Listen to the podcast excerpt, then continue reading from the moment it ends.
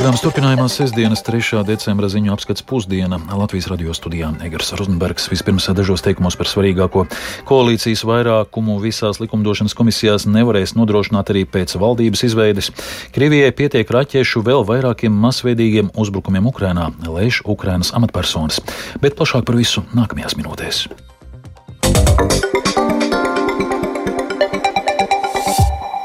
Lai arī saimas komisiju sastāvs pēc valdības izveidošanas mainīsies un būs centieni novērst opozīcijas vairākumu dažās no tām, visos gadījumos tas nebūs iespējams topošās koalīcijas mazā sastāvdēļ. Tādēļ saima, da, saimas darba organizēšana prognozēs saspringtāk nekā iepriekš, liekot deputātiem atlikt arī komandējumu plānus un neslimot. Vairāk Jāņa Kīņša sagatavotajā ierakstā. Topošās valdības veidotāji centieni izveidot enerģētikas un klimata ministriju un atsevišķu jomu pārvaldībā pieaicinātu trīs ministru biedrus divas reizes saskārās ar Saimas juridiskās komisijas noraidījumu. Tas tāpēc, ka šajā komisijā pašlaik vairākums ir Saimas opozīcijas deputātu. Tas gan netraucēja divos lasījumos šos likumprojektus izskatīt un pieņemt Saimas sēdēs. Taču šajā procesā to pavadīja stundām ilgas debatas par sliktu likumdošanas praksi. Topošās koalīcijas frakcijas apzinās, ka šādu situāciju bieži atkārtošanās bojātu iespaidu par saimas darbu, jo opozīcija nekavēsies uz to norādīt. Tālāk, kad vairāk nekā desmit deputāti kļūs par ministriem jaunajā valdībā, saimas komisijas sastāvu centīsies pārdalīt ar viņu vietā nākušiem kolēģiem, stāsta Nacionālās apvienības deputāte Ināra Mūrniece. Šo disbalansu, es teiktu, ir radījusi drīzāk nu, tāds matemātikas princips, nevis politisks princips. Tieši tāpēc arī šīs korekcijas tiks veiktas.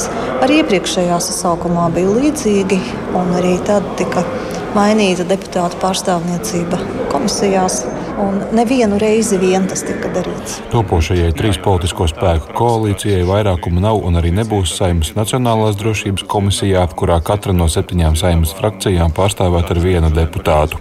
Taču sastāv izmaiņas iespējamas citās komisijās. Juridiskā komisija saimnes darbā ir ļoti svarīga, bet arī ārlietu komisija tāpat. Tāpēc deputātu rotācijas notiks. To, ka šī situācija ir īslaicīga, uzsver arī apvienotā saraksta saimnes frakcijas vadītājs Edgars Tavars. Tā nesot nekāds pārsteigums. Mēs tur kādu milzīgu katastrofu šajā brīdī neredzam. Ir lietas, kur mēs ar opozīciju esam viensprāts, bet uh, svarīgākais ir vairākums parlamentā un parlamenta griba. Grūtības ar dažiem balsojumiem komisijās nespējot vienoties ar kādu opozīcijas pārstāvi par pārsvaru izgaismojas, jo ir ievilcies valdības veidošanas process. Ierasti tam būtu jānoslēdzas līdz valsts svētkiem, kas nav izdevies izdevies ne šogad, ne arī pirms četriem gadiem. Lai arī izmaiņas dažu komisiju sastāvā būs iespējamas, tomēr turpmākie darba gadi koalīcijai 54 deputātu sastāvā būs saspringti. Tik mazs pārsvars pēdējos 20 gados nesot bijis, norāda jaunās vienotības frakcijas vadītājs Ainārs Latkovskis. Viņš atgādina, ka tas bija viens no galvenajiem aspektiem, kāpēc jaunā vienotība tik ilgstoši uzstāja uz progresīvo piesaistīšanu koalīcijai. 54 koalīcijas deputāti matemātiski nevar nodrošināt deviņās likumdošanas komisijās visu pārsvaru. Būs sarežģīti, prasīs milzīgu disciplīnu, un es ceru, ka tie partneri, kur uzstāja, ka jāveido ar trim partijām, arī būs disciplinēti. Nebraukās komandai. Es gribēju teikt, ka deputāta dzīve reizēm paģēra arī ārzemēs. Jā, bet nu, to es kolēģiem atgādināšu, protams. Paredzēts, ka valdības deklarācijas izstrāde noslēgsies jaunadēļ. Līdztekus politiskie spēki sāks ministru amatiem nominēt konkrētus kandidātus. Balsojums saimā par valdības apstiprināšanu sagaidāms decembra vidū. Jānis Kincis, Latvijas Radio.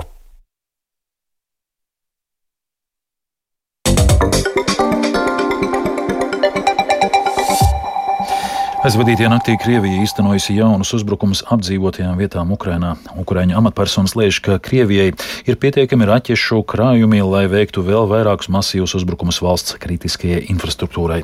Ukrainas prezidents Volodimirs Zelenskis apsolījis atbrīvot visus Krievijas sagūstītos ukraiņus. Vairāk stāsta Uldis Česberis. Krievija ar raķetēm un artēriju turpina terorizēt Ukrainas iedzīvotājus. Šonakt raķešu uzbrukumus piedzīvoja vairākas apdzīvotās vietas Zaporīžas tuvumā. Triecienu rezultātā nopietni cietušas vairākas ēkas, taču nav ziņu par cietušajiem.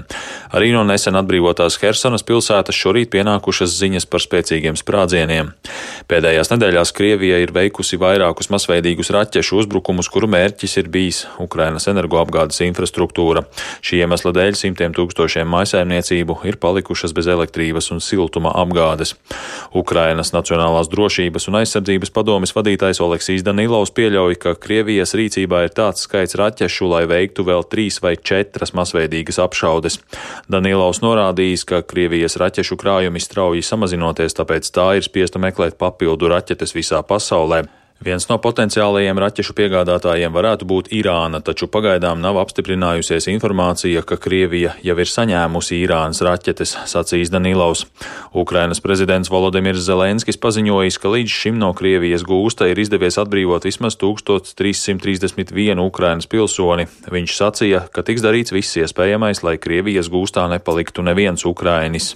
І жодного українця не залишимо в російських тюрмах, таборах та ізоляціях. Mēs neatstāsim nevienu Ukraiņu Krievijas cietumos, nometnēs un izolācijā. Mēs atcerēsimies visus. Pienāks diena, kad mēs viņus sveiksim ar atgriešanos brīvībā. Ukrainas prezidents arī sacīja, ka šajā nedēļā aktīvi turpinājās darbs ar sabiedrotajiem, lai izveidotu īpašu tribunālu Krievijas pastrādāto kara noziegumu izskatīšanai. Frontē vissmagākās cīņas norisinās Luhanskas un Donetskas apgabalos Ukrainas austrumos, kur Ukrainas armijai aizvadītajā diennaktī ir izdevies atsist vairākus Krievijas spēku uzbrukumus. Ukrainas armijas ģenerālštāps informē, ka pagājušajā diennaktī ir iznīcināti vēl 510 iebrucēji. Līdz ar to kopējais kritušo Krievijas karavīru skaits ir sasniedzis 90 tūkstošus un 600. Lielbritānijas militārie izlūkdienesti savā šī rīta ziņojumā raksta, ka Krievija ir izvietojusi lielu skaitu karavīru un ugunsspēka pie aptuveni 15 km gara frontes līnijas posma netālu no Bahmutas pilsētas Donetskas apgabalā. Tas varētu liecināt par Krievijas plāniem ielenkt pilsētu, lai uzbruktu tai no ziemeļiem un dienvidiem. Bahmutas ieņemšanai nebūtu liela operacionālā vērtība, taču tas dotu iespēju Krievijas karaspēkam apdraudēt lielākas pilsētas, piemēram, Kramatorsku un Slovjānsku. Britu izlūki piebilst, ka Krievijas mēģinājumi ieņemt Bahmutu izmaksā nesamērīgi daudz, ņemot vērā potenciālos ieguvumus. No tā varot secināt, ka Kremlim pilsētas sagrābšana ir galvenokārt politiski nozīmīga. Uldis Česberis, Latvijas radio. Šonadēļ starptautisku atzinību gūšas gaujas plostnieku amata prasmes. Šī ir jau trešā vērtība, kas no Latvijas izcelta UNESCO sarakstā. Pirmās divas ir Baltijas dziesmu un deju svētku tradīcija un suitu kultūra telpa. Ko nozīmē šis novērtējums, kādu iegūmu tās dodē tradīcijas attīstībai un valstī kopumā, par to plašāk Baibas Kušķis ierakstā. Gaujas plosnieku prasmēm ir ļoti sena vēsture, bet īpašu uzplaukumu tās piedzīvoja 19. gadsimtā, kad plostu braukšana vidzemniekiem kļuva par ienesīgu peļņas darbu pavasarī. Plosti pa gauju tika pludināti no gaujas augšgala līdz Cernikavai un tad tālāk transportēti uz Rīgas dažādiem tā laika kokapstrādes uzņēmumiem. Tas bija ļoti smags fizisks darbs, bet vienlaicīgi arī daudz kas vairāk, jo ietvēra tikai šim arodam raksturīgu vārdu krājumu un rituālus. Koku pludināšana kā tautsēmniecības nozare beidza pastāvēt 20. gadsimta 60. gados, kad attīstījās autotransports, un tad vairākus gadu desmitus plosniekus gaujā neredzēja, līdz pateicoties trīs brašiem strenču vīriem ar Mārtiņu Gaigalu priekšgalā tradīcija tika atdzīvināta, stāsta tradicionālās kultūras pētniece Ieva Vītola. Prietā izdomāja, ka jāpamēģina pašiem saspēt no baļķiem atkal plosts un paskatīties, kā tas notiek, vai vēl to var izdarīt. Un brīnišķīgi bija, ka tajā laikā vēl bija tātad satiekami vecie gaujas plosnieki. Un tā no 1998. gada katru gadu maijā Strenčos notiek gaujas plosnieku svētki. Kopš 2018. gada gaujas plosnieku amata prasmes ir ierakstītas Latvijas nemateriālā kultūras mantojuma sarakstā, un šī nedēļa nāca ar ļoti priecīgu ziņu, ka tās iekļautas arī UNESCO cilvēces nemateriālā kultūras mantojuma sarakstā. Par to gandrību neslēpj Gaujas plosnieku tradīcijas atdzīvinātājs Mārtiņš Gaigals. Es domāju, ka tas arī dos gan novērtējumu, gan aizsardzību tai kopienas šeit Gaujas upes un varbūt Strenču apgājums, Valmieras novada kopienas ļaudīm Gaujas plosnieki arī cer, ka starptautiskā atzinība koku pludināšanas tradīcijām būs pamudinājums savas tradīcijas atdzīvināt arī Daugavas, Ventas, Lielupes un Salacas kādreizējo plosnieku pēctečiem. Baiba Kušķe, Latvijas radio. Pasaules kausā futbolā vakar noslēdzās grupu turnīrs, un šodien tiks aizvadītas pirmās astotdaļfināla spēles. Tāpat aizvadītajā naktī mačus Ziemeļamerikā aizvadījušas Latvijas sportistu komandas. Plašāk par aktualitātēm sportā stāsta Reinis Grunspeņķis. Astodaļfināla stadiju šodien pasaules kausā atklās Nīderlandes un ASV valstsvienības, kuras spēli sāks piecos pēcpusdienā.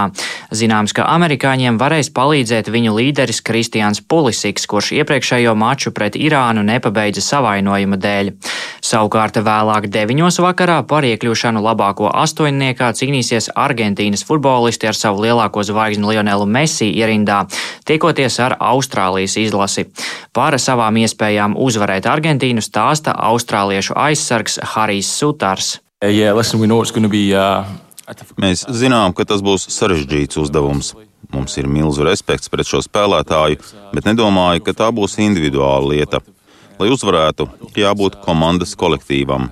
Mums ir jābūt koncentrējušiem visu spēles laiku un jābūt modriem visās situācijās, jo pretim būs vienota komanda. Taču neuzskatu, ka visu var izšķirt viens spēlētājs. Rīt pasaules kausa astotdaļfinālā tiksies arī Francija ar Poliju un Anglija ar Senegālu. Pirmdien spēkosies Japāna un Horvātija, kā arī Brazīlija un Dienvidkoreja, bet otrdien cīnīsies Maroka pret Spāniju un Portugāla pret Šveici. Savukārt Ziemeļamerikā šonakt Kristapa Porziņa pārstāvētā Washingtonas Wizards NBA spēlē 4. ceturdaļā prata atspēlēties no 22 punktu deficīta, taču beigās ar 116-117 piekāpās Charlottes Hornets komandai. Porziņas guva 21 punktu, tiesa gan aizmeta garām visus sešus izmestos trīspunktu metienus. Tāpat viņa rēķinā 11 atlikušās bumbas un 3 rezultatīvas piespēles. Izšķirošo metienu netrāpīja Bredlīs Bredlijs Bīls, kurš šajā mačā guva 33 punktus. Bet Nacionālajā hokeja līgā trīs zaudējumu sēriju pārtrauca Elvija Meržļikina pārstāvētā Kolumbusas Blue Jackets, kas ar 4-1 pārspēja Vinipegas Jets vienību. Meržļikins pēc savainojuma bija iekļauts komandas pieteikumā pirmo reizi kopš 16. novembra, taču šajā spēlē nepiedalījās vārtus sargājot Somam Jonasam Korpisālo. Pievēršoties šodien gaidāmajiem notikumiem bez iepriekš minētā futbola, šodien arī citos sporta veidos visnotaļ piepildīta diena. Somijas Bietlona centrā Kontiolahti jau pilnā sparā rīt pasaules kausa sezonas pirmās sprinta sacensības vīriešiem. Latviju tajās pārstāvēs Edgars Mise un Aleksandrs Patrijuks, kuriem jau pavisam drīz ir paredzēts doties distancē. Savukārt pulksten 2.45. šajā pašā disciplīnā startēs arī dāmas, kur par kvalificēšanos iedzīšanā cīnīsies Baiva Bendika, kā arī māsas Sanita un Sandra Buliņas. Abām sacensībām tiešraidē iespējams sekot līdzi Latvijas televīzijas 7. kanālā. Tikmēr Norvēģijā Lillehammerē šodien turpinās pasaules kausa otrais posms distanču slēpošanā, kur arī norisinās sprinta sacensības slitsolī. Teicamu kvalifikāciju jau aizvadīja vakar augsto 11. vietu izcīnījusī Patricija Eiduka. Eiduka arī šorīt rādīja labu ātrumu un finišu sasniedza 3 minūtēs 21,25 sekundēs. No pirmajā vietā finišējušās zviedrietes Emmas Rībomas atpaliekot par 5,35 sekundēm. Tas deva 17. vietu un ļāva Latvijai kvalificēties ceturdaļfinālam, kas sāksies pulksten vienos dienā. Starp Eidukas tiešajām konkurentēm ceturdaļfinālā būs trīs no pirmo sešu vietu ieguvējām kvalifikācijā - Zviedriete Māja Dalkvista, amerikāniete Džesija Diginsa un norvēģiete Ane Apelkvista Stenseta. Un vēl paliekot pie ziemas sporta veidiem, jaunā pasaules kausa sezona šodien ir startējusi arī kamaniņu sportā, kur pirmais posms norisinās Īglesas trasē Innsbrukā. Pirmo reizi pasaules kausā notika sacensības sieviešu divvietīgajām ekipāžām, kura ceturto vietu ieņēma Anda Upīte un Sanija Ozoliņa. No uzvarētājām mainiecēm Selīnas Egles un Lāras Mihailas Kipas Latvijas atpalika par trim sekundes desmitdaļām. Reinis Grunspēņķis, Latvijas radio. Dzirdējāt 3. decembra ziņu apskatu pusdienā producents Edgars Kupčs par skanējumu rūpējās Toms Šupēko un Kaspars Groskops studijā Egars Rozenbergs vēlreiz par svarīgāko. Koalīcijas vairākumu visās likumdošanas komisijās nevarēs nodrošināt arī pēc valdības izveides. Krievijai pietiek raķešu vēl vairākiem masveidīgiem uzbrukumiem Ukrainā, lēš Ukrainas amatpersonas.